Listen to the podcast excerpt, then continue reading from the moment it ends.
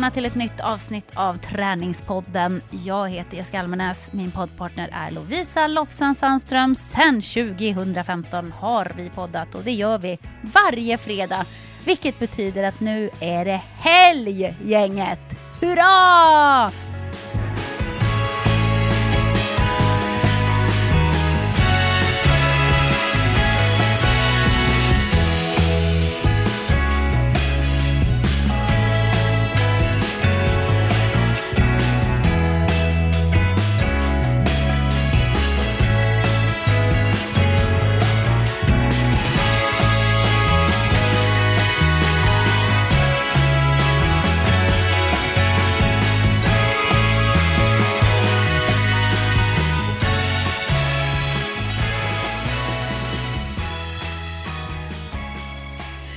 Alltså jag tror aldrig jag har längtat så mycket efter helg som just den här veckan. Jag har haft så otroligt mycket att göra sedan jag kom hem från Cypern så att jag eh, går liksom fortfarande på någon slags sån här efterlåga eh, av energi men känner att jag har något på gång i kroppen och det är så irriterande för jag har inte tid och orkar inte bli sjuk.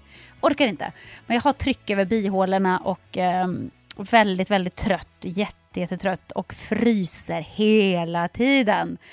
Men tills, tills det bryter ut så låtsas jag som ingenting Lovisa och bara kör på, tränar och eh, jobbar. Kolsym bara... i svalget. Japp, allt möjligt. Jag tar en Viruseptin innan jag lägger mig på kvällen. Får vi se om det hjälper eller inte. Hur mår Hålla du? de onda andarna borta. Ja, jo lite. men det är bra. Jag är, har en hemmajobbardag idag. Så in i det sista innan vi skulle podda, då har jag gjort det som jag ser att många så influencers gör när de är hemma och jobbar. det här är Okej. så roligt. De är kollar, ja, men de kollar på vloggar samtidigt som de sitter hemma och jobbar. Eh, och det kan vara allt ifrån så att de börjar när de sitter och sminkar sig, därför att även om de ska jobba hemma hela dagen så börjar man med att göra sig fin för sig själv, för sin egen skull. Ja, men, men, men vänta nu. Det, här, det som influencerna gör, är det att de sminkar sig och lägger ut en vlogg på det eller är det att de jobbar och tittar på någon annan som sminkar sig som lägger ut en vlogg? Nej, jag tror att det är meta, för jag tror att också deras egen sminkning sen blir en, eh, ett inlägg. Oj, oj, oj. Nej, men jag känner, du vet, ibland fuskar man lite grann i den här influencervärlden och, och liksom försöker vara med lite där och gör lite samarbeten och, och försöker gå på lite events, men jag känner bara att jag passar inte riktigt in i det där. Jag, jag tror aldrig jag kommer kunna ställa in mig på ett hundraprocentigt influencerliv och det, det kanske är bra. Men då, då blev jag inspirerad, jag är ganska bra på att multitaska. Så jag blev inspirerad, så då satte jag på och kollade på en eh, YouTube-serie som handlar om folks badrumsskåp. Och alltså jag älskar ju badrumsskåp. Alltså, eh, jag, inte så att jag skulle vilja vara med i den här serien för att jag har inte tillräckligt dyra produkter, jag har inte tillräckligt mycket produkter, det skulle kunna bli en, en hel eh, en hel YouTube-klipp om det. Men då- eh, då var det hemma hos Bianca Ingrosso i hennes badrumsskåp. Och jag skojar inte att det är typ en timme och sju minuter eller någonting som handlar om hennes produkter, hennes duschrutiner. Och eh, Emily som har den här YouTube-serien, hon så här öppnar upp alla skåp i hela lägenheten och tittar och rotar. Och Alltså det, var- det var väldigt märkligt. Men så jag tänkte säga, men jag sitter och jag gör väl sådana här influencers och kollar på sådana här klipp under tiden. Eh, men Alltså jag har fått jättemycket gjort. Jag är dock inte nytränad. Jag väntar in eh, Sixten som ska komma hem från skolan medan du och jag poddar. Och sen ska vi träna. Vi ska träna ben. Jag körde värsta träningslägret med mig själv andra halvan av höstlovet förra veckan. Så jag liksom körde onsdag, torsdag, fredag, lördag, söndag och på måndagen jag bara Oh, I'm too old for this. Jag är inte van att träna så många dagar på raken. Så då tog jag lite chill och sen har jag kört eh, ett sånt här hit hit pass. Lite ledbruten. Eh, jag, jag tror att det kanske att jag skulle behöva tagga ner lite nu den här veckan så att jag inte blir för sliten. Men jag har lite, lite adrenalin i kroppen kvar från igår.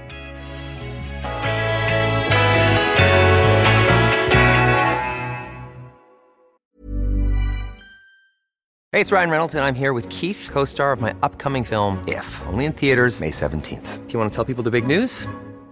All right, I'll do it. Sign up now and you'll get unlimited for $15 a month and six months of Paramount Plus Essential Plan on us. Mintmobile.com slash switch. Upfront payment of $45 equivalent to $15 per month. Unlimited over 40 gigabytes per month. Face lower speeds. Videos at 480p. Active Mint customers by 531.24 get six months of Paramount Plus Essential Plan. Auto renews after six months. Offer ends May 31st, 2024. Separate Paramount Plus registration required. Terms and conditions apply if rated PG. Many of us have those stubborn pounds that seem impossible to lose, no matter how good we eat or how hard we work out. My solution is PlushCare. PlushCare is a leading telehealth provider with doctors who are there for you day and night to partner with you in your weight loss journey. They can prescribe FDA-approved weight loss medications like Wagovi and Zepbound for those who qualify. Plus, they accept most insurance plans. To get started, visit plushcare.com slash weight loss. That's plushcare.com slash weight loss.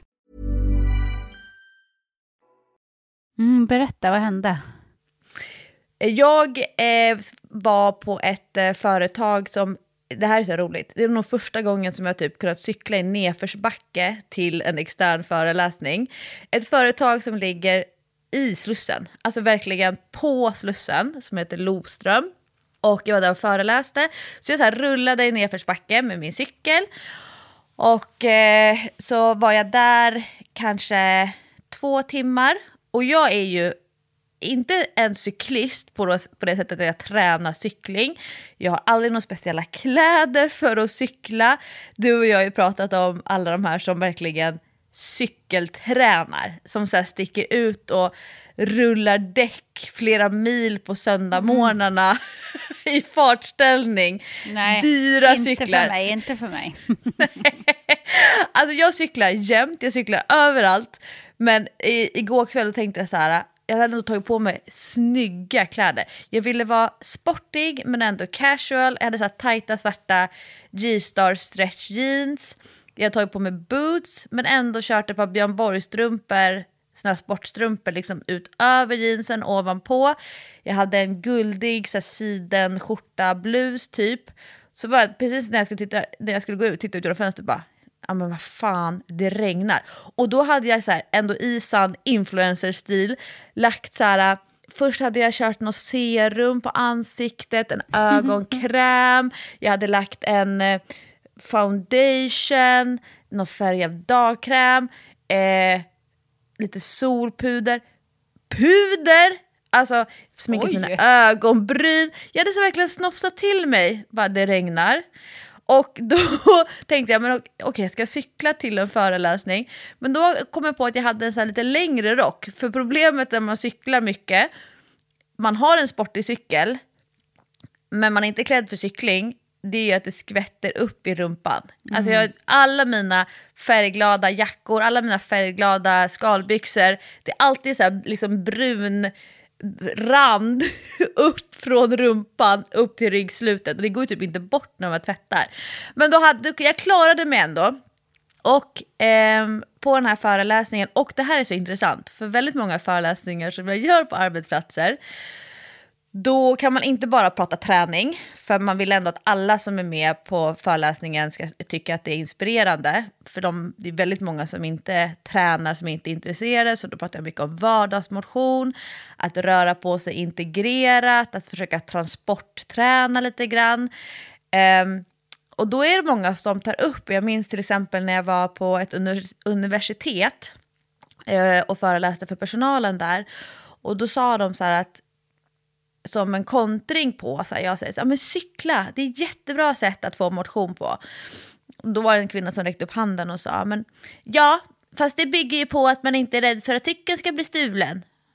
Och det är ju en mm. jättebra poäng och då var eh, vaktmästeriet eh, var med på föreläsningen för de är ju också personal.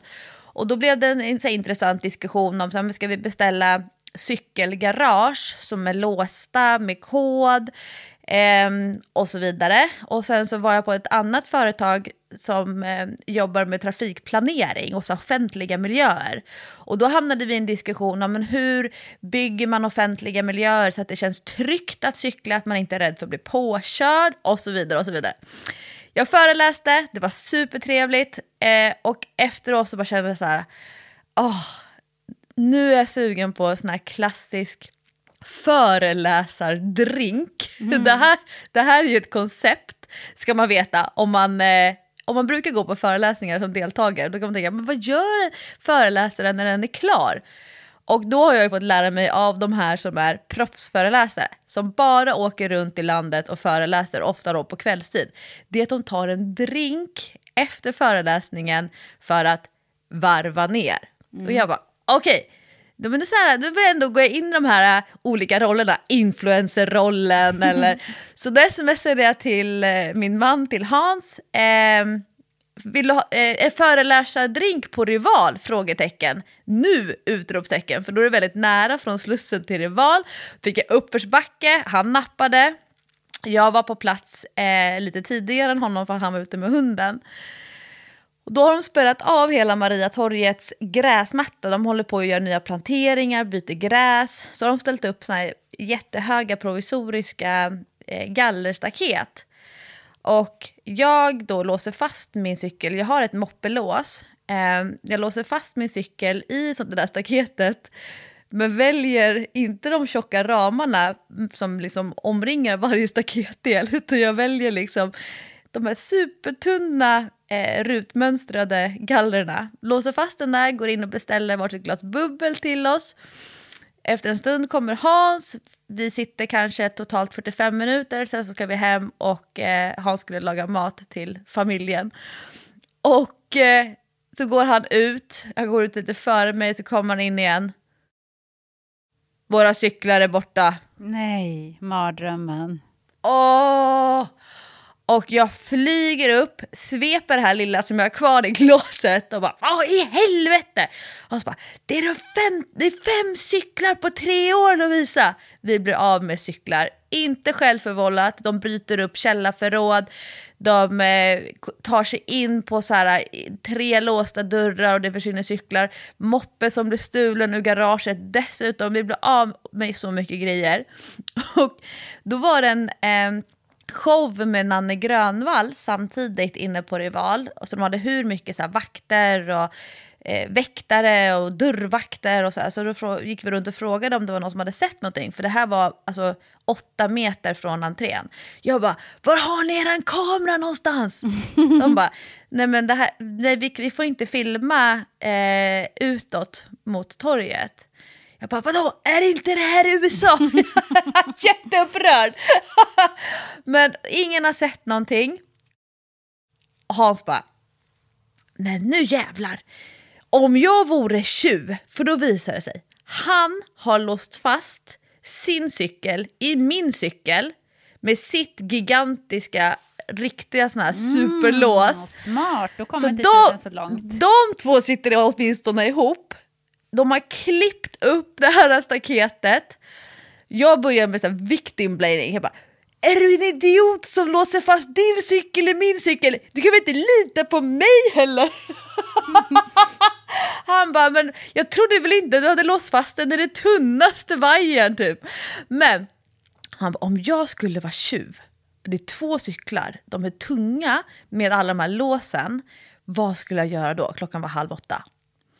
Så först gick han och kollade bakom de offentliga toaletterna, där det är väldigt mörkt, ett litet mm. hus mitt på Mariatorget, där var de inte. Och sen så eh, kopplade han på sig på en voj och sen så började han så här zooma ut och gjorde så här cirkulära rörelser från Mariatorget. Och så tänkte jag, var skulle jag ställa två ihoplåsta cyklar om jag skulle vilja komma tillbaka och hämta dem senare? Så då åkte han till det närmaste cykelstället som då är ett kvarter bort där det står massa parkerade cyklar och inklämt mellan de parkerade cyklarna så stod våra två ihoplåsta med varandra i väntan på transport kanske närmare midnatt. Så vi du fick skämtar. tillbaka dem! Vilken äh, tur! Köp en triss sa jag till ja, mig själv. Verkligen. Och jag var så besviken över mig själv eh, att jag hade låst fast cyklarna sådär. Och jag eh, tänkte också kan inte folk hålla fingrarna borta? Jag gick runt och tittade på dem som stod på Mariatorget. Så jag försökte titta på vad är du för slusk vad har du för intentioner? För jag tänkte det kanske är någon av de här som har tagit cykeln och nu står kvar och väntar och ser om det finns en till cykel de kan, de kan ta. Men jag vågade aldrig konfrontera någon. Jag frågade dock en taxichaufför om han hade sett någonting, men det hade han inte. Men nu är jag så glad och jag hann bli sjukt besviken. Och sen så vändes det till stort jubel. Mm, min älskade cykel. Eh, vilken cykeljakt! Det var ju lite dramatiskt. Så det, men det kan bli veckans tips i Trällyspodden. Blir man av med sin cykel, då kan man tänka, vad skulle jag ha gjort om jag var tjuv? Hans kunde tydligen tänka exakt som en tjuv. Jag vet inte vad det säger om honom. Ja, men det var ganska smart för att eh, vilken tjuv kan liksom dra runt på två cyklar som sitter ihop? Det gör man ju inte. Det, det, då syns man ju på gatorna. Ja, men det var intressant också att han hade kamouflerat våra cyklar liksom i massa andra parkerade cyklar så att de inte skulle sticka ut. Det är ju värre om de ligger gömda i en buske, då ser ju folk det. Det var ganska avancerad tjuv måste jag säga. Ja, det var inte, det var inte den första cykeln tjuven stal, tror jag. Antagligen inte. Jag hade velat sätta dit honom, sätta handklovar bakom ryggen på honom. Ja, nej, men då förstår jag att du fortfarande har lite adrenalin pumpandes, men det behöver inte vara fel. Nej, men jag älskar att cykla och det var det som var min, min poäng. Alltså det är fantastiskt att kunna cykla så mycket som eh, man vill. Så att jag är beroende av min cykel. Jag vill absolut inte bli av med den. Sen är den dessutom specialbeställd från Danmark för att jag är så kort så jag måste ha en lite specialram. så den går inte att få tag på hur som helst. Ja, det, så det var den historien och eh, nästa gång så ska jag låsa fast min cykel betydligt bättre. Då ska jag gå över till Lovisa eh, om, eh, och, och, plocka upp en tråd från förra veckan när jag då lovade att prata om eh, ännu en artikel som jag har läst i Svenska Dagbladet eh, som handlar om träning som var rätt så intressant tycker jag. Och vill man läsa den här artikeln själv så heter den 10 minuters pass räcker för Lasse. Ett härligt klatschigt namn på en artikel. Men...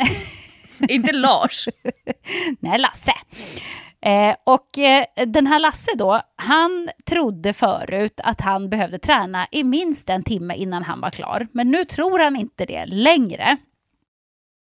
Utan han har gett ut en bok som heter Ge järnet färdigtränad på 10, till 5, eller 10 15, 20 minuter. Eh, att man då, eh, kontentan är då att eh, det är bättre med träning som blir gjord än träning som eh, inte blir av för att man tänker att ett träningspass måste vara på ett visst sätt eller en viss längd. Eh, och eh, om man gör ett kort pass så kan man faktiskt förbättra både styrka och kondition trots att passet bara är kanske 10 minuter. Eller som han då säger, man kan göra 10 gånger 2. Kanske man gör 10 minuter kondition, 10 minuter styrka på en dag. Eh, och man kommer att få effekt av det. Eh, med den lilla brasklappen att om man är väldigt vältränad redan så räcker inte eh, de korta passen för att bli bättre. Utan då kanske man måste eh, göra ett 20 eller 30 minuters pass. Så att om man är väldigt vältränad så kanske 10 minuter är lite väl lite. Men jag tyckte i alla fall att det här var spännande för att jag gillar ju all form av effektiviserande av träning. När man har en stressig vardag men man ändå kan trycka in ett träningspass. Som att vi tycker jättemycket om transportlöpning, du och jag. Det är ju en toppen, toppen grej. Om man ändå ska någonstans, varför inte springa dit eller hem därifrån? Eh, och, och, så gör man det, för den tiden skulle man ändå ha lagt på att ta sig mellan punkt A och B. Så varför inte träna samtidigt? Och då om man kan trycka in små korta pass, träningspass i vardagen så, så träningen blir av istället för att tänka att ja, men, nu kan inte jag träna förrän på söndag för då har jag tid att lägga en timme på gymmet. Men innan söndag har jag inte tid att lägga en timme på gymmet. Ja, men tränar man då tio minuter per dag, då tränar man ju varje dag faktiskt. Och jag håller faktiskt i min lilla, eh, min lilla 300 om du kommer ihåg. Ja! Jajamän, mina 100 tåhävningar, 100 höftlyft och 100 eh, situps av något slag, helst snea. Det har jag gjort. Jag tror att jag har missat kanske två dagar sedan jag satte igång med detta. Eh, men det tänker jag att, ja, ja, vad fan, jag får väl hålla på lite längre då bara istället. Men de flesta dagar så kommer jag faktiskt ihåg att göra det och jag tror att det får effekt för jag såg, jag var och jobbade igår, hemligt projekt igen och spelade in en grej. Och då så såg jag en bild på mina ben när jag stod i kjol. Och jag bara, men vems vader är det där? Det där var det sjukaste jag någonsin har sett. Alltså det var ju nästan som att jag var Ulf Kristersson. Nej, men, du, Alltså vi slutar aldrig prata om Ulf Kristerssons vader, de Nej, men går att klämma in var som helst. ja, men han har ju liksom, han har ju exceptionella vader. Sådana vadmuskler är ju inte så vanliga att se. Men nu kände jag verkligen när jag kollade på mina vader, bara what är det som händer här egentligen? Eh, för jag har ju varit så eh, tunn efter jag har varit iväg och rest och liksom inte haft några muskler och jag märkte det speciellt på mina ben, för på mina ben blir jag smal fortast. Att de blev väldigt, väldigt tunna och mina vader blev så tunna och du vet jag kände det på kläder och jag kände det på stövlar, eh, mina ridstövlar satt väldigt löst plötsligt och sådär över vaderna. Så jag kände ju att vaderna har ju också blivit mycket, mycket mindre. Men så såg jag den där bilden och bara, Jaha du, de här eh, tåhävningarna som jag gör varje dag, de gör jag faktiskt inte helt i onödan. Så det var ganska kul. Eh, men åter då till denna artikel. Och då skriver han så här. Det här är inte ens han som skriver. Det här är ju eh, en fysiolog från Norges idrottshögskola igen. Det är ofta de som uttalar sig i Svenska Dagbladet om du har märkt. De som kommer från Norge. Professorer och sånt. Då får vi se, höra din norska nu då. Fast det står ju på svenska, så det blir lite svårt tyvärr. Hade stått på norska, absolut. Nej, men Melina Magulas då, fysiolog och doktorand, Norges idrottshögskola, hon menar att två saker avgör om man får tillräckligt bra effekt av ett träningspass på 10 minuter. Hur hårt man tränar och i vilken form man är i. För då säger hon att om man är väldigt vältränad så krävs det mycket om man ska kunna förbättra styrka och kondition på bara 10 minuter. Eh, och då kanske man ska träna lite längre. Men om man börjar med något nytt eller inte är särskilt vältränad så kan man förbättra styrka och kondition redan från första passet. Även om det bara varar i 10 minuter. Men då ska man ju också träna ganska intensivt. Då kan man ju liksom inte träna i 10 minuter och vila mellan varje övning i två minuter. För då får man ju ingen effekt, givetvis. Eh, så det är inte hur fuskigt som helst detta. Men ett exempel på vad man då kan göra om man har väldigt kort om tid så kan man göra intervallträning i fyra gånger en minut med hög intensitet. Och då tänker jag att de inte tänker att man är på gymmet för att eh, då tar man ju bort allt det där att det ska gå väldigt fort och vara väldigt effektivt. Utan att man hemma kör fyra gånger en minut. Snöra på sig skorna, ut och spring, jogga dig varm, kör dina fyra intervaller, jogga ner, klar. Där kan du få ett snabbt pass där du får upp pulsen. För att väldigt mycket hälsoeffekter kommer ju av att man faktiskt får upp pulsen. Man ska egentligen få upp pulsen varje dag. Så man kan säga att det är någon slags quick fix-pass. Men då finns det också några råd för att träningen ska bli effektiv. Och det är att man ska vara mentalt förberedd. Man ska vara redo att prestera. Som jag säger, man kan liksom inte ligga och vila eller lägga in vila emellan om man kör ett sånt kort pass. Utan då ska det ju vara superintensivt. Vare sig man kör styrka eller eh, löpning eller intervall av något slag. Så måste man ju verkligen vara närvarande och där i de där tio minuterna. Man kan ha med sig en träningspartner. Det kan vara bra. Någon som är gärna i bättre form som kan inspirera en att prestera på topp. Eh, lägg bort mobiltelefonen eller sätt den på ljudlös eller flygläge för att man måste träna effektivt om man bara ska träna i tio minuter. Och så kan man skaffa en spellista om man vill så man kan bli lite extra pushad. Den kan ju vara exakt 10 minuter lång så att man vet att så länge spellistan håller på tränar jag. Ah, Mm, det är ju en bra idé, eller hur? verkligen. Eh, och, Eller sätter man på en sån här badrumsvlogg. ja, det kan man ju också göra. Det är väl perfekt. Eh, och det här kan ju vara ett sätt, om man är lite otränad eller haft en träningspaus, att komma igång med träningen utan att tröskeln blir för hög. Och man kan ju göra det antingen på gymmet, om man, fast om man är där så tycker jag man ska träna mer än 10 minuter, det måste jag ändå säga, om man ändå har tagit sig dit. Men hemma kan man göra det. Om man inte har några vikter eller gummiband eller sånt hemma så kan man använda kroppsvikter. Det går alldeles utmärkt. Eh, och då, Lasse, han har ju några favoritpass. Han kör ju nämligen ett pass som han kallar för lyktstolpspasset. Och det tar 10 minuter. Och då står det så här. Det, det kan göras på följande sätt. Till lyktstolpe 1, gå snabbt. Lyktstolpe 2, jogga. Lyktstolpe 3, spurta. Lyktstolpe 4, gå snabbt. Lyktstolpe 5, jogga. Lyktstolpe 6, spurta. Och så samma sak på 7, 8, 9. Och så håller man på så tills det har gått 10 minuter. Om man då är i eh, en miljö där det finns lyktstolpar. Det där är ju ganska smart för man behöver inte plocka fram någon klocka, man behöver inte mäta ut någonting utan man använder det man har runt omkring sig eh, i sin miljö för att eh, bestämma eh, hur långa intervallerna är, om man säger så. Vet du att jag har, eh, nej det här vet ju inte du för det här har inte jag sagt till någon. Men jag har kört eh, lyktstolpspass fast i lite annat format eh, fyra gånger i oktober. Är det sant? Ja, alltså jag hittar inte på nu. Jag är ganska bra lögnare, men jag hittar verkligen inte på. Ska jag berätta om eh, eh, mitt lyktstolpspass? Ja, gärna, för det här är ju jättekul. Säg. Ja, då eh, börjar man med att jogga till en eh, första lyx, eller från, man börjar vid en lyktstolpe. Det blir lyktstolpe noll då. Ja. Så joggar man till lyktstolpe ett och sen så springer man till lyktstolpe två och sen så spurtar man till lyktstolpe tre och sen vänder man om och går tillbaka till lyktstolpe två. Ah. Och sen börjar man om. Man joggar till lyktstolpe, ja, nästa lyktstolpe, springer, spurtar, vänder om, går tillbaka en hel lyktstolpe. Och sen upprepar man det. Kanske, alltså man skulle kunna köra det i en och en halv kilometer skulle det väl nog ta. Om du vill köra tio minuter kanske, beroende på hur snabbt det går. Ja, men det där är ju skitbra. Och, Jag tycker det är jättekul. Ja, men det är ju kul, för att man har Jag känner mig ju... som Pac-Man. Lite så. Och så bara, nej, nu måste jag vända om. Ja, men det blir som något monotont för hjärnan. Att man har också redan bestämt innan vad det är man gör. Så man kan inte ändra sig längs vägen. Utan man kör liksom... Man är, man är inställd på att det är lyktstolparna som gäller. Och det här ska jag göra mellan varje lyktstolpe. Och så det enda man behöver komma ihåg är att eh, man ska hålla på i tio minuter. Eller vad man nu bestämmer att man håller på i.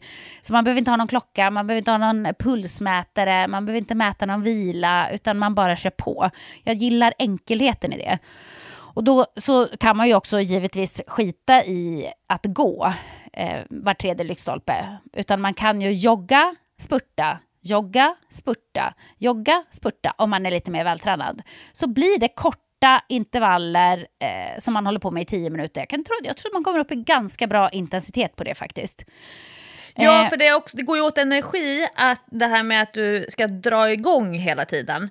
Om man jämför med att springa på löpband, där du inte själv behöver förflytta dig, utan löpbandet kommer ju dra, alltså motorn kommer ju dra bandet. Men när man kör lyktstolpsintervaller så blir det hela tiden här att du måste accelerera dig själv. Det är det som det gör att det blir jobbigare än vad man kan tro.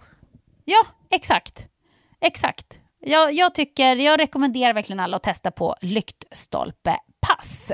Ska jag själv göra mitt nästa löppass har jag tänkt, om det inte regnar, för jag orkar inte springa i regn och bli blöt och kall och lerig. Eh, punkt slut.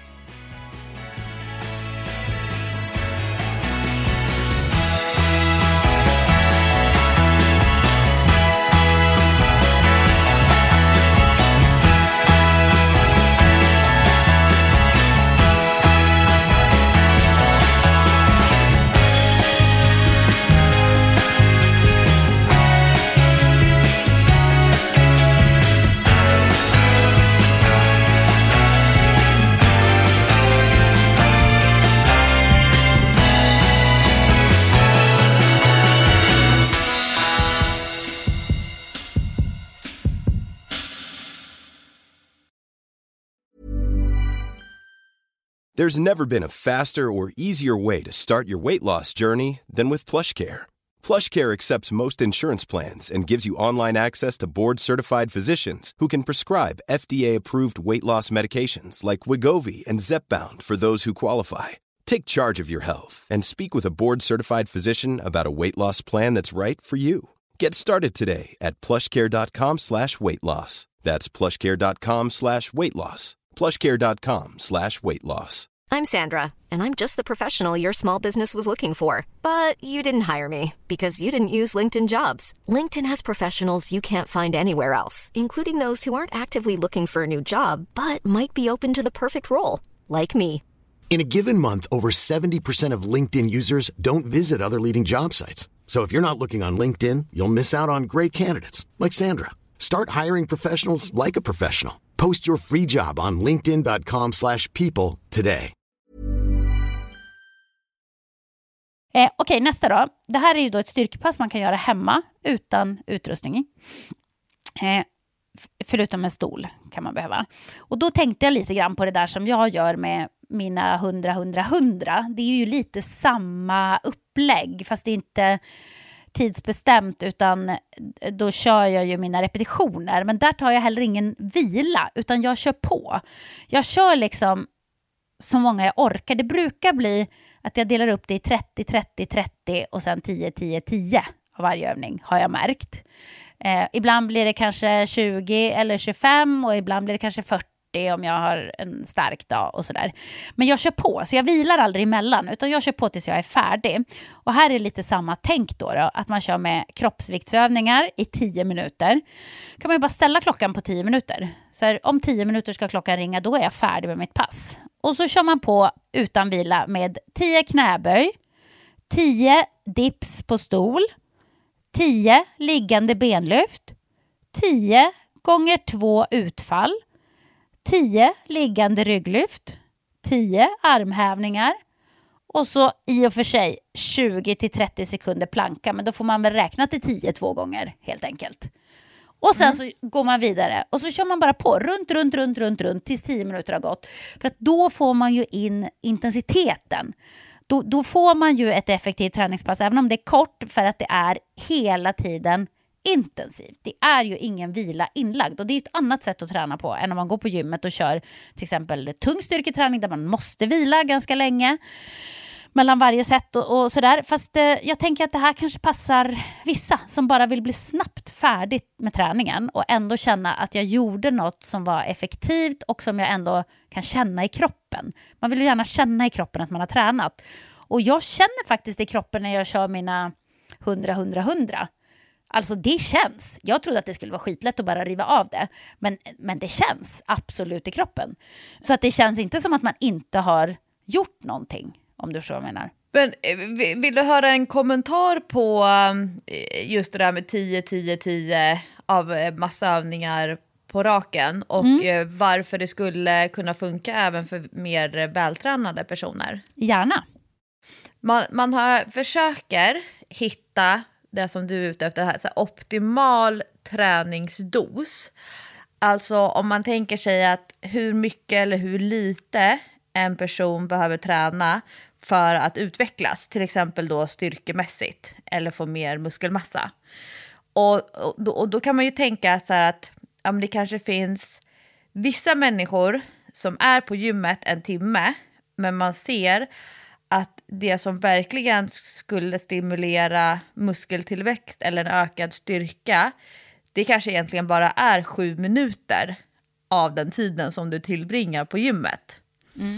Men också att det finns människor, alltså att man tränar helt enkelt mer än vad man får resultat för.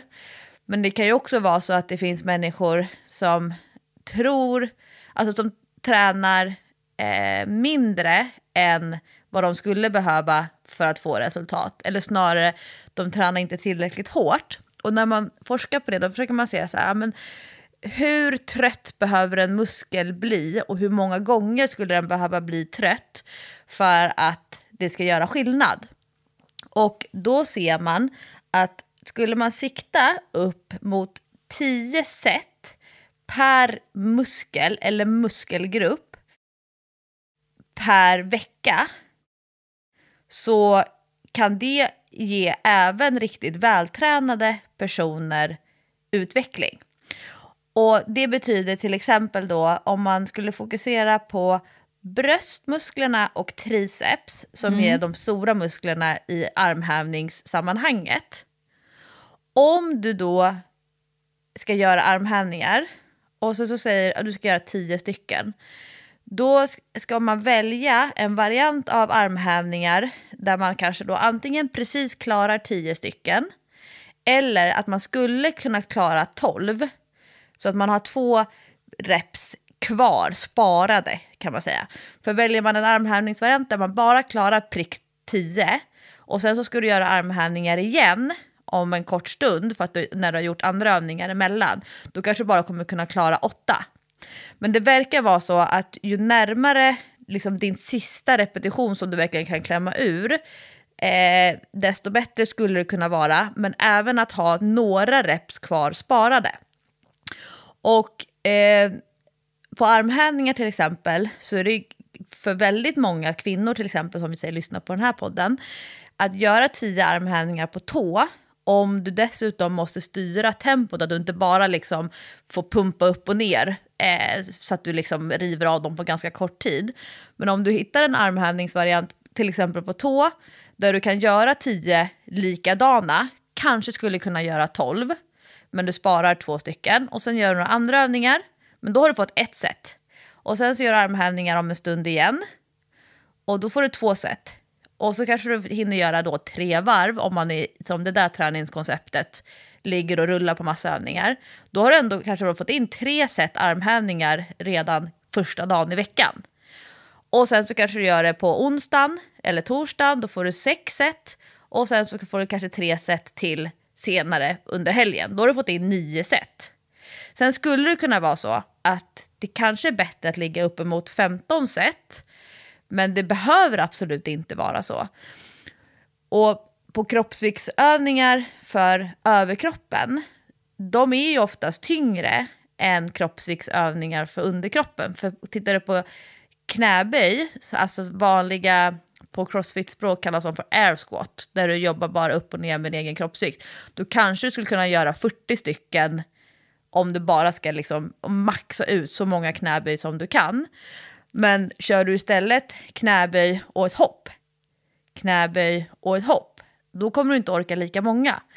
Och då är det samma sak där, att om du gör knäböj hopp och du stannar på 10 men du hade kunnat göra 12, ja men då har du fått ett set där. Och sen så gör du några andra övningar och så får du ett set där. Så det man kan titta på, om man vill jobba mer med att optimera sin styrketräning, då kan man fundera över hur många set per muskel får jag över en vecka? Oavsett om det är hemma med kroppsvikt, hemma med gummiband och kettlebell eller i gymmet med maskiner och skivstång och liknande.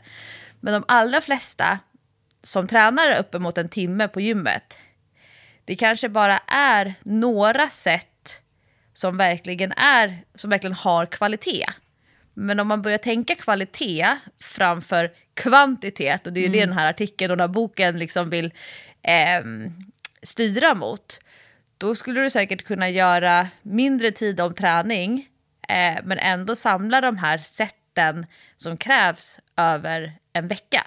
Så det är mycket det som en skicklig coach, när man gör träningsprogram, då försöker man ju hitta så här, men hur många sätt behöver just den här individen för att utvecklas. Det är onödigt att köra massa reps, massa set om det räcker med två eller tre set på ett pass för ryggen med kanske lite färre repetitioner men tyngre så att man slipper göra så många reps. Sånt där tycker jag är jättekul. De, fl de flesta som gymmar, gymmar ju mycket mer än vad de skulle behöva göra om man tittar på vad som ger resultat. Så är det ju krasst. Ja, exakt. Men jag tror att för många är det ju också eh, en skön vana att man går till gymmet. Man kanske har sina dagar eller vissa till och med kanske går till gymmet varje dag bara för att det är en, en skön rutin som man har. Även om det kanske inte är det optimala eh, hur man skulle träna för att få absolut bäst effekt och resultat av sin träning. Men eh, jag tror att det har ett värde ändå, att man, att man har den där vanan någonstans. Ja, alltså det är väl det som man tycker att det är värt att gå till gymmet. Ja. Alltså det är värt projektet och därför vill man gärna jobba mycket och att man eh, byter mellan övningar istället för att stå och vila. Även om det kanske hade varit mer effektivt för just en specifik övning som man vill utvecklas i, att vila istället. Men man gör ändå en annan övning istället för att vila. Men som typ tåhävningar, som ju är, det har vi pratat om några gånger i Träningspodden, det är en sjukt bra övning. Mm. Så är det. Och tåhävningar, alltså det är klart du ställer dig och kör 20 tåhävningar medan du vilar axlarna om du kör axelpress. Det kommer inte göra att dina axelpressar blir sämre för att du blir trött i vaderna. Nej men precis det är ju toppenbra att trycka, det är en sån övning man kan trycka in mellan andra övningar faktiskt. Det gör jag jätteofta på gymmet, just för att jag är så rastlös. Jag tycker det är så tråkigt att stå och vila. Så att jag vill göra någonting under tiden, men då är det perfekt att slänga in tåhävningar när man håller på med överkroppen i alla fall. Eh, just det, så det var det. Eh, och det finns fler sådana korta pass i den här artikeln. Vill ni hitta den så heter den alltså 10 minuters pass räcker för Lasse. och finns på Han Svenska ser Dagbladet. rätt vältränad ut, Lasse. Eller hur? Jag tror Lasse han, han är supervältränad. Han kör ju varierad träning.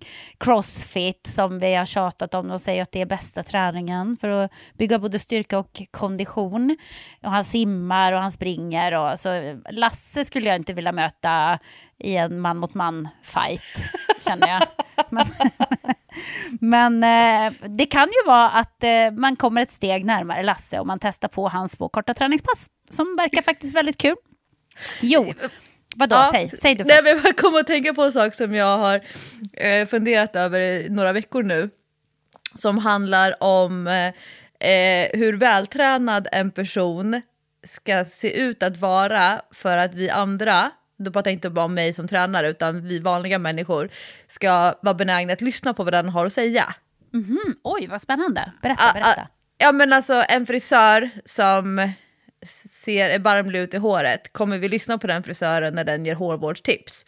Eller en, eh, en tränare som eh, säger, ger råd och sen är personen jätteöverviktig själv och ser jätteotränad ut för vanliga människor. Och sen så är det en jättevältränad PT som säger samma sak. Men då kommer vi lyssna i större utsträckning för att den ser annorlunda ut. Då tänkte jag på det här med, då, med Lasse. Vi vill gärna lyssna på vad han säger för att han ser väldigt vältränad ut. Men hade det varit en som såg betydligt skröpligare ut eller inte ser lika tränad ut, då hade vi bara nja, really? Är du säker på det här?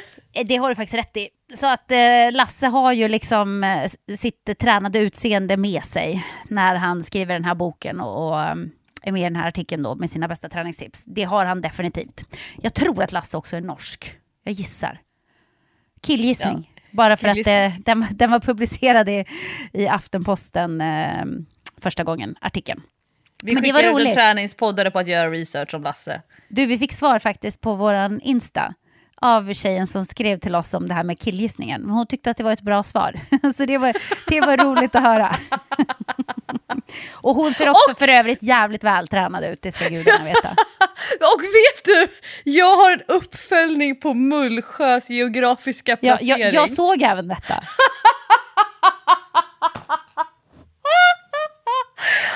Min förvirring! Alltså, inte för att jag hade koll på att det har varit något annat förut, men min förvirring var ju inte helt utan eh, befogenhet. Nej, det var den inte. Men jag tänkte så här, när jag gick eh, gymnasiet i Huskvarna så hade ju jag klasskompisar som var från Mullsjö. Och då tänkte jag så här, det är klart som fan att Mullsjö är Småland. Men det är väl ändå på gränsen. Ja, men det har ju visat sig att Mullsjö förr i tiden, när vi var barn, typ, nu killgissar jag att det var när vi var men förr i tiden, jag ingen aning om det var, men då låg det i Västergötland. Men numera ligger Mullsjö i Småland. Ja, det ligger, det ligger i Småland alltså. Numera? Som, som vi trodde. Ja. Ja, men tydligen så har det legat i Västergötland. De måste ha dragit om några streck på kartan. Okej. Det, poängen var att de pratade småländska i alla fall. Ja, nu, nu kommer jag att komma in på ännu mer killgissning här. Fast det, det, det är egentligen ett tips från mig, som jag pratade om förra veckan. Jag hade glömt att jag skulle tipsa om detta. Men det här är ett tips som jag först fick i stallet eh, av en av mina kompisar i min ridgrupp där, som har eh, trillat av några gånger och alltså gjort sig ganska illa när hon har trillat av. Även om det inte har varit så här våldsamma avramlingar så har typ, ja, hon har typ brutit något i höften och, och så. Eh, och det vill inte riktigt läka, så hon har haft lite bekymmer med det. Och då hade hon eh, testat sina östrogennivåer och insett att ja, hon låg väldigt lågt på östrogen och fått eh, hormontillskott. Eh, och så sa hon till mig att det var helt sjukt, för jag hade bara ätit det några veckor och kommit till läkaren och läkaren säger men gud, det, det har verkligen börjat läka bra här nu. Nu kan man verkligen se att läkningen är på gång och det har ju stått helt stilla ganska länge. Och hon bara, jag tror att det här beror på eh, östrogenet, att jag hade för lågt östrogen och då när man tillsätter det igen så sätter det liksom igång läkningsprocesser i kroppen. Och då läste jag på lite om detta och det visar sig att har man östrogenbrist eh, så kan det ju påverka eh, dels skelettet men det kan också påverka senor, leder, att man får värk i kroppen, att man får mer träningsverk, att man har svårare att tillgodogöra sig träning och så vidare. Och jag testade alla mina nivåer för kanske ett år sedan allt var bra och jag var så här, men något är fel. Jag vet att något är fel på mig för att jag har så ont i kroppen och, och bla bla bla. Och då får man höra så här, nej men det är för att du börjar bli gammal. Det är helt naturligt när man börjar bli gammal, då får man ont i kroppen. Jaha, och så här kommer det att vara nu. Nu kommer du att vakna varje dag och ha ont i kroppen och ont i ryggen. Och jag bara kände, men gud, jag tror jag hoppar i sjön alltså. För jag är inte säker på att jag vill ha det så här varje dag. Du vet, jag har ju haft fruktansvärt ont i ryggen länge. Jag har ju knappt kommit upp i sängen på morgnarna. Eh, och all fysisk aktivitet jag har gjort har jag fått ont i ryggen av. Och jag har ju varit tvungen att gå hos naprapat för att stävja det och sådär. Men eh, så jag tänkte, ja, ja, men jag kollar mina nivåer igen. Det visar sig att jag har ju jättelåg östrogennivå. Eh, mm -hmm. Ja, absolut. Så jag börjar också äta hormontillskott. Jag har ätit det nu kanske i en månad, en och en halv. Och det är skillnad. 100 procent. Alltså, ryggen. Jag har inte ont i ryggen. Jag kan känna av den lite grann ibland. Men jag får inte ont i ryggen av att träna. Jag kan gå upp på morgonen utan problem. Jag kan böja mig ner på golvet och ta upp saker. Jag har inte kunnat det liksom på väldigt lång tid. Eh, jag känner att jag inte får lika mycket träningsverk som jag brukar få. Och då sa Patrik till mig så här, men vänta nu, kolla nu när du börjar med basketen och ridningen igen och se hur det är då, för att det är det du brukar få ont av. Ja, nu har jag ju börjat med det sen jag kom hem och absolut, jag känner av det, men jag får inte sådär träningsverk som jag brukar få. Jag får inte så ont i kroppen att jag inte kan röra mig. Jag blir inte så stel som jag var förut. Eh, alltså jättestel, så att varenda liten stretching-grej eller rullning eller vad man nu ska göra har ju gjort så otroligt ont. Och det känns bara som att det här är ju också en killgissning, för det kan mycket väl vara en inbildning eller känsla i kroppen, men det känns som att nu när jag kommit igång och tränat så har jag ganska snabbt fått mer effekt än vad jag har fått när jag har liksom rullat på här kanske de senaste två åren och tränat ganska bra, men det händer ingenting, känns det som. Mm, och, det kan inte vara din 300 som eh, gör skillnad? Jo, men det kanske det är också. Jag har ingen aning. 300 är ju min rehab.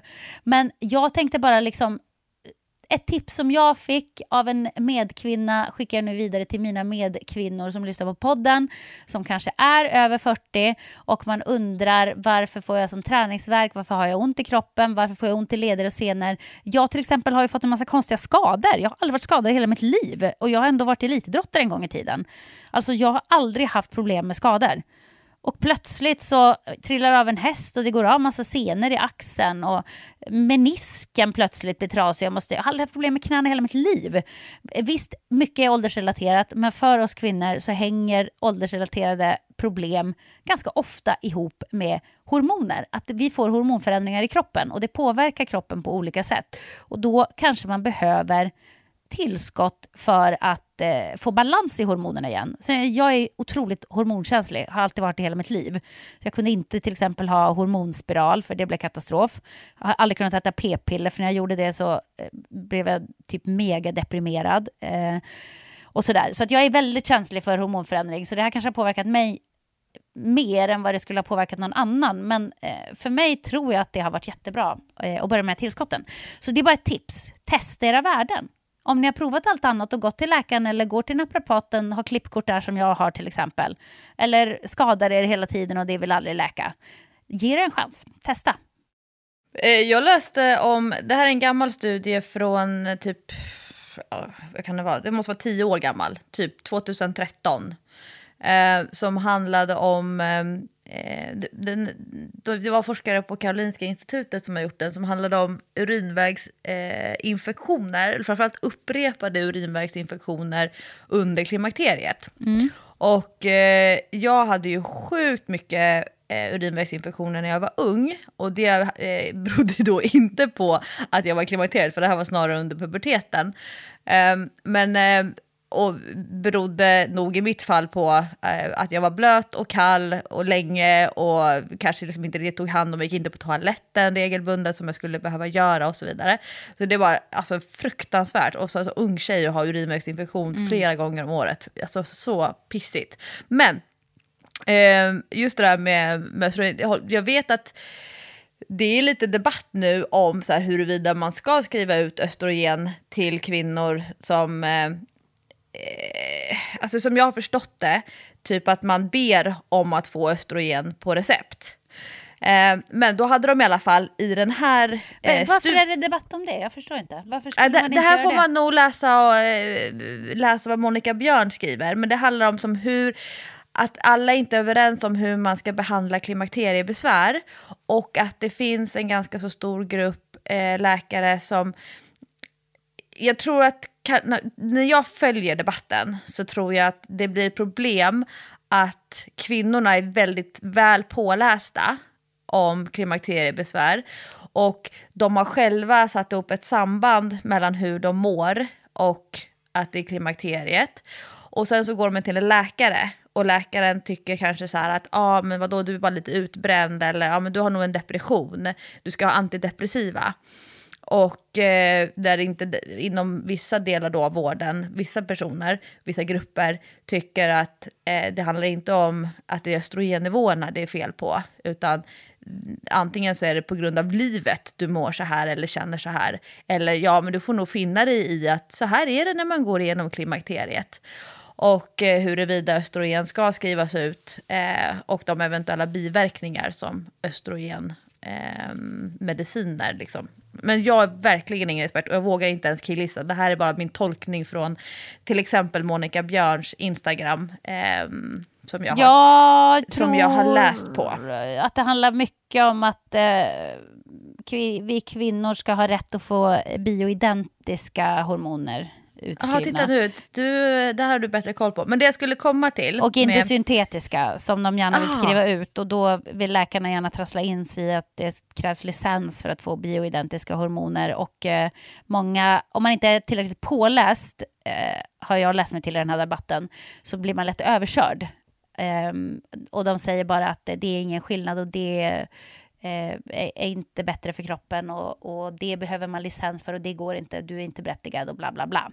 Så att då ska man liksom, men det som är med allt annat eh, tycker jag, när man är kvinna, när det handlar om hälsa och hälsovård och sånt för kvinnor, att vi ska hela tiden behöva kämpa och kämpa och kämpa och slåss för det och hela tiden bli avfärdade. Alltså vilka kvinnor har inte blivit avfärdade när man har sökt för något bekymmer med att man kanske är lite stressad eller trött eller håller man på att gå in i väggen eller är man kanske deprimerad? Alltså, det där är jävligt tröttsamt. För att ibland så känner man på sig att det är något fysiskt fel på mig. Eh, men man blir hela tiden avfärdad med att det är nog är stress. Och stress, det kan komma så mycket symptom av stress. Det här är typiska stresssymptom. Ja, fast jag är inte stressad. Ja, men det är du nog. Du är mitt i livet, du har karriär, du har familj. Det är klart du är stressad. Det här är typiska stresssymptom. Det, det är inte så kul att bli avfärdad sådär. Men det är trist att man som kvinna alltid ska liksom veta allting själv. Och har liksom googlat fram alla svar innan man går till läkaren. För att annars så blir man överkörd. Det är ju lite kämpigt. Eh, det, det jag skulle komma till apropå östrogenbehandlingar.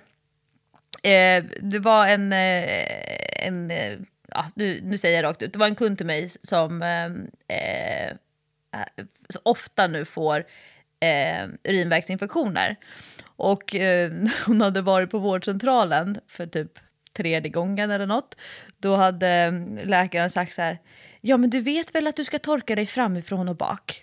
Va? Så, som typ, Skämtar du? Men då eh, läste jag om, eh, då försökte jag förstå eh, kopplingen då som eh, varför man pratar om då att kvinnor i klimakteriet har ökad risk för urinvägsinfektioner. Och då hittade jag den här studien från Karolinska institutet och då skriver de så här, nu läser jag innantill. Eh, Östrogen stimulerar tillverkningen av kroppens eget antibiotikum och stärker slemhinnan i urinvägarna enligt en ny studie från Karolinska institutet. Då är det alltså tio år gammal numera när jag läser, när jag läser det här. Nu lägger sig Siri in. Eh, resultatet Resultaten från studien som publiceras i tidskriften Science Translational Medicine visar att östrogenbehandling hjälper kvinnor i klimakteriet att bekämpa återkommande urinvägsinfektioner. Urinvägsinfektioner är en av de vanligaste sjukdomarna och drabbar drygt hälften av alla kvinnor någon gång i livet och 25 procent av dessa kvinnor får upprepade infektioner. Kvinnor i klimakteriet har ökad risk för återkommande urinvägsinfektioner, vilket sätt, satts i samband med de låga östrogennivåerna. Urinblåsans insida kommer först i kontakt med de bakterier som orsakar infektion. Den är klädd med ep- eh, epitel eller epitelceller vars två huvudsakliga funktioner är att skydda underliggande vävnad mot infekterande bakterier som kan finnas i urinen och att producera kroppseget antibiotikum, antimikrobiella peptider. Hos kvinnan i klimakteriet är slemhinnan skör och ibland skadad med det yttersta cellagret löst, eh, löst fäst vid celler i djupare vävnad. De antimikrobiella peptiderna som produceras av dessa epitelceller celler fungerar som kroppens frontlinjesoldater. De reagerar snabbt om de utsätts för invaderande bakterier och dödar bakterierna innan de hinner föröka sig. I den aktuella studien gav forskarna kvinnor som genomgått menopaus eh, lokalbehandling med östrogen under två veckor och undersökte de celler som utsöndrades i urinen. De fann att östrogen förstärkte epitelcellsskiktets skyddseffekt på två olika sätt. Dels ökade östrogen mängden antimikrobiella peptider, dels stärkte cellernas förmåga att fästa till varandra, läka skadad slemhinna och förbättra barriären mot den underliggande känsliga vävnaden. Och då tyck, det tyckte jag var så intressant eh, med, nu var det ju här bakterier, men jag tänker just det där med, cell, alltså med cellerna och vävnaden och skyddsbarriärer. Eh, och det kan ju antagligen vara så om man tittar på modernare forskning att det påverkar även ledband, ligament, muskler, alltså det här med att eh, hållfastheten helt enkelt blir sämre i eh, cellerna. Så det kanske, du kanske är inne på något samma spår där då Jessica i ditt experiment? Ja, kanske. Eh, och vi får väl se. Det är väl lite för tidigt att utvärdera hur det funkar. Plus att eh, alla sådana här eh, hormonnivåer varierar ju eh, i ens cykel, om man säger. Ehm, så det, när man tar de här proverna, man kan ju få väldigt olika svar om man säger när i menscykeln man, man testar sina hormoner och så. Så man kanske inte liksom ska eh, dra för eh, hårda växlar av det, men jag känner att det är eh, någonting i min kropp som är lite starkare igen. Det är jättesvårt att förklara, men det, det, den känns tåligare. Den kändes så jävla bräcklig ett tag, min kropp, och nu känns det som att den börjar kännas lite tåligare. Vad, exakt vad det har att göra med, det vet jag inte. Men jag tycker att det är en trevlig känsla. Och även om det skulle vara placebo så funkar även placebo? Ja, uppenbarligen. Men som, som jag sa så jag har hela mitt liv varit väldigt, väldigt känslig för hormonobalans. Ehm, och eh, jag kan inte se varför jag inte skulle vara det nu när jag är en gott vuxen kvinna. Um, så att uh, man kan alltid testa. Om man känner att man har bekymmer som man inte riktigt får bukt med och uh, inte riktigt vet var det kommer ifrån och läkarna hittar ingenting eller man blir avfärdad. Ett enkelt blodprov. Längre bort är det inte att prova sina hormonnivåer helt enkelt. Har, har du tränat något sen senast, sen du kom hem? Mm, det har jag faktiskt gjort. Jag uh, var faktiskt på gymmet redan när poddade vi? Vi poddade... Ja, då gick jag också och tränade. Jag var faktiskt på jag gymmet. Jag skickade dig till gymmet verkligen. Ja, jag vet. Du skickade mig till gymmet senast vi poddade och det var jättebra för då var jag så stressad. Och, och då gick jag till gymmet och jag sprang på bandet och jag hade liksom... Du vet när man inte riktigt kommer ner med andningen i bröstet. Och då är det ganska jobbigt att eh, komma upp i puls och springa intervaller. Men jag kände att jag behövde göra det för att kroppen var i någon slags eh, flyläge. Oh, som att jag var på savannen liksom och var redo att bara fly för att det skulle komma ett lejon. Mm. Det, eh, det, var lite jobbigt, eh, men det, det, blev bättre av att träna. Och jag tycker om min nya, mitt nya träningssätt när jag är på gymmet. För att jag gillar ju att få, upp, få komma upp lite grann i puls. Och jag gör det bäst faktiskt när jag springer på löpband. Jag tycker inte om att springa så hårt, alltså så, komma så högt upp i puls när jag är ute. Jag vet inte varför, jag bara inte gör det. Så att jag springer helst intervaller på löpband. Så att nu har jag börjat med de här lite kortare intervallpassen som jag inleder träningspassen med och sen så kör jag styrketräning. Och där ser jag till att jag får göra mina eh, rehabövningar, alltså de som jag ska göra på gym då med redskap. Att de blir gjorda och sen gör jag lite grann vad jag känner för och jag har ingen press på mig själv så här, nu måste jag vara här tills jag har gjort alla de här övningarna. Så att det blir de där långa passen, du vet, tar en och en halv timme. Utan när jag känner mig färdig, då är jag färdig. Det är jätteskönt att träna så. Och jag, jag tror att jag kommer att komma in i nu här hemma någon slags rutin som jag pratade om i början där, att, att det är skönt att gå till gymmet nästan varje dag, i alla fall flera gånger i veckan. Alltså som en timme där man eh, jobbar bort Eh, stress och att det är mer som en rutin än att det är en del av eh, ett träningsprogram. Där är jag ganska sugen på att vara just nu. Jag tycker att det är jättemysigt med den där timmen på gymmet där jag gör mina grejer. Och sen är jag skitsvettig och jag känner i hela kroppen att jag har gjort någonting, det är perfekt. Så att jag har fått till några sådana pass. Nu har jag jobbat jäkligt mycket den här veckan så det har varit lite dåligt med träningstid. Men jag har också spelat basket igen, skitkul. Eh, jag har också varit tillbaka i stallet och ridit igen. Jag ska rida hopptävling på söndag. Det oh. känns lite nervöst, för jag har ju inte hoppat nästan något på hela hösten. Men eh, vad ska jag göra? Vi har hopptävling en gång per termin. För, alltså man är i olika grupper liksom. Så man, man kan kvala upp om man får placeringar och sådär. Och eh, varje grupp har liksom en gång per termin en tävling. Så jag kan ju inte missa den nu, bara för att jag inte har hoppat på hela hösten. Så att jag kommer att vara med ändå. Så det blir spännande att se hur det ska gå. Kul! Ja, kul. Vet, så att jag är full jag, träningsgång ändå. Vet du att jag ska köra terminens första simträning på lördag?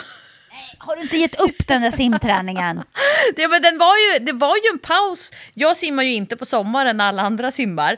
Men eh, jag tänker att jag ska eh, försöka jag tycker att det är lite svårt med lördagssimning, men jag ska försöka köra några pass. Eh, liksom, eh, min vintersäsong börjar typ den här veckan. Nu har det varit ganska kallt att köra styrketräna utomhus med skivstång. Alltså stålet är kallt. Det är inte så nice att lägga sig ner. Även om jag har en matta så är det inte så nice att lägga mig ner på mattan utomhus och köra bålövningar. Så nu har jag burit in gymmet. Det känns som att vecka 45, det är liksom, nu börjar vintersäsongen. Det får ju dröja lite med längdskidor. Men då tänker jag att, ja, men skulle jag kunna få in ja, men ett par simpass i månaden. Måste inte vara regelbundet varje vecka, men jag tror att det skulle vara bra för mig. Eh, och jag tyckte att det kändes, mm, kanske inte där och då förra terminen eller förra året, men jag tyckte ändå att det kändes som att jag lärde mig saker av att gå och simma då och då med en coach. Och jag trivdes ju väldigt bra att simma med eh, barn och typ ungdomar för då var, då var jag ändå på en, så här, det var på en rimlig nivå. Jag skulle känna mig ganska så stressad och eh, lite för självmedveten om jag skulle gå och simträna i en vuxengrupp. Så då är det ganska skönt att ha en lite ledarroll men ändå vara i vattnet och utforska övningarna tillsammans med de unga. Så att jag, jag, jag ska ge det, jag ska köra igång på lördag och så får vi se hur många lördagar som jag kan vara med. Jag vet att nästa lördag kan jag inte vara med för då ska jag till ett av mina favoritställen på jorden, Bosön, en hel dag. där, då simmar jag inte, där kommer jag gymma och springa på deras inomhus löparbana som jag tycker är kul. Den här 200 meters banan som är som en velodrom nästan.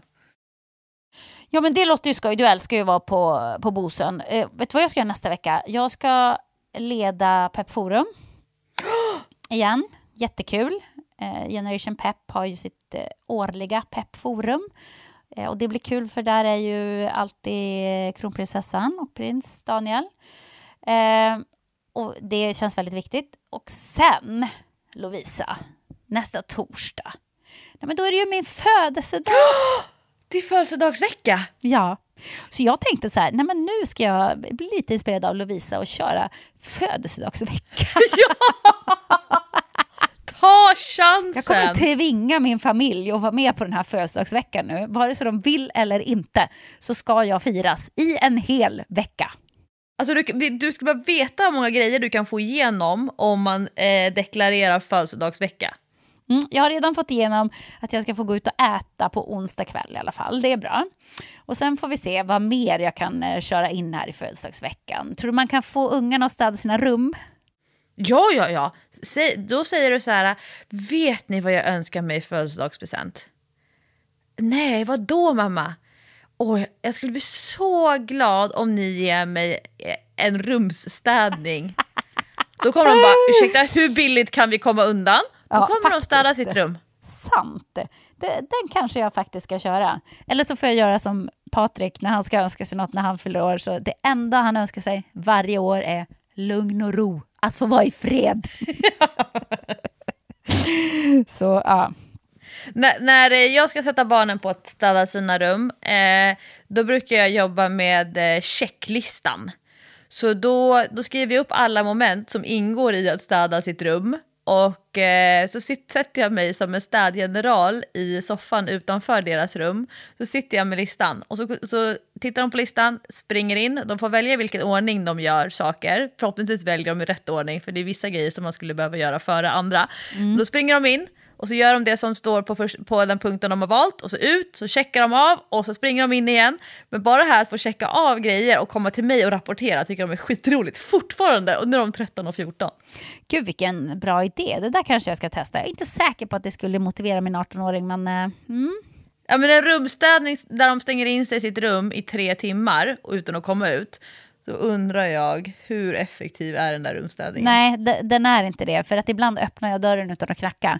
Och då tittas det ju på någon serie på mobilen eller eh, görs någonting helt annat. Så att eh, när, när dörren är stängd och det är väldigt tyst när det ska städas rum, då ska man bli misstänksam. Men mamma, jag sorterar ju mina strumpor. Mm, eller hur? Eller hur? Ja.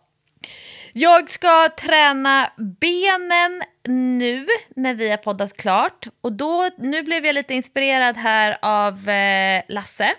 Mm, kul. Så då ska jag försöka få till eh, 10 minuter. Jag gör, lite, jag gör en loftsam variant. Så då eh, tar jag 10 minuter där jag fokuserar på rumpan. Och så 10 minuter framsida lår och 10 minuter baksida lår. Ja, bra.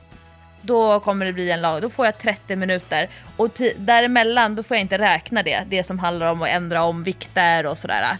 Det kanske blir då tre set på varje muskelgrupp. Ja, men bra. Man älskar ju när det blir inspiration till träning av Träningspodden. Hoppas ni andra också blev inspirerade. Jag ska nu inspireras av 6 och 7-åringar som spelar handboll. Hurra! Men vi hörs igen om en vecka och då är jag 48. Va? Är det ingenting? Du ska fira 48, nu börjar det. Uscha mig. Jessica 4.8 Ja, version. ja, version Uppgradering. 4.8. Det låter mycket bättre. Uppgradera programvaran lite. Ja, exakt. Hörni, puss och kram. Tack för att ni lyssnar. Tack för allt. Hej då!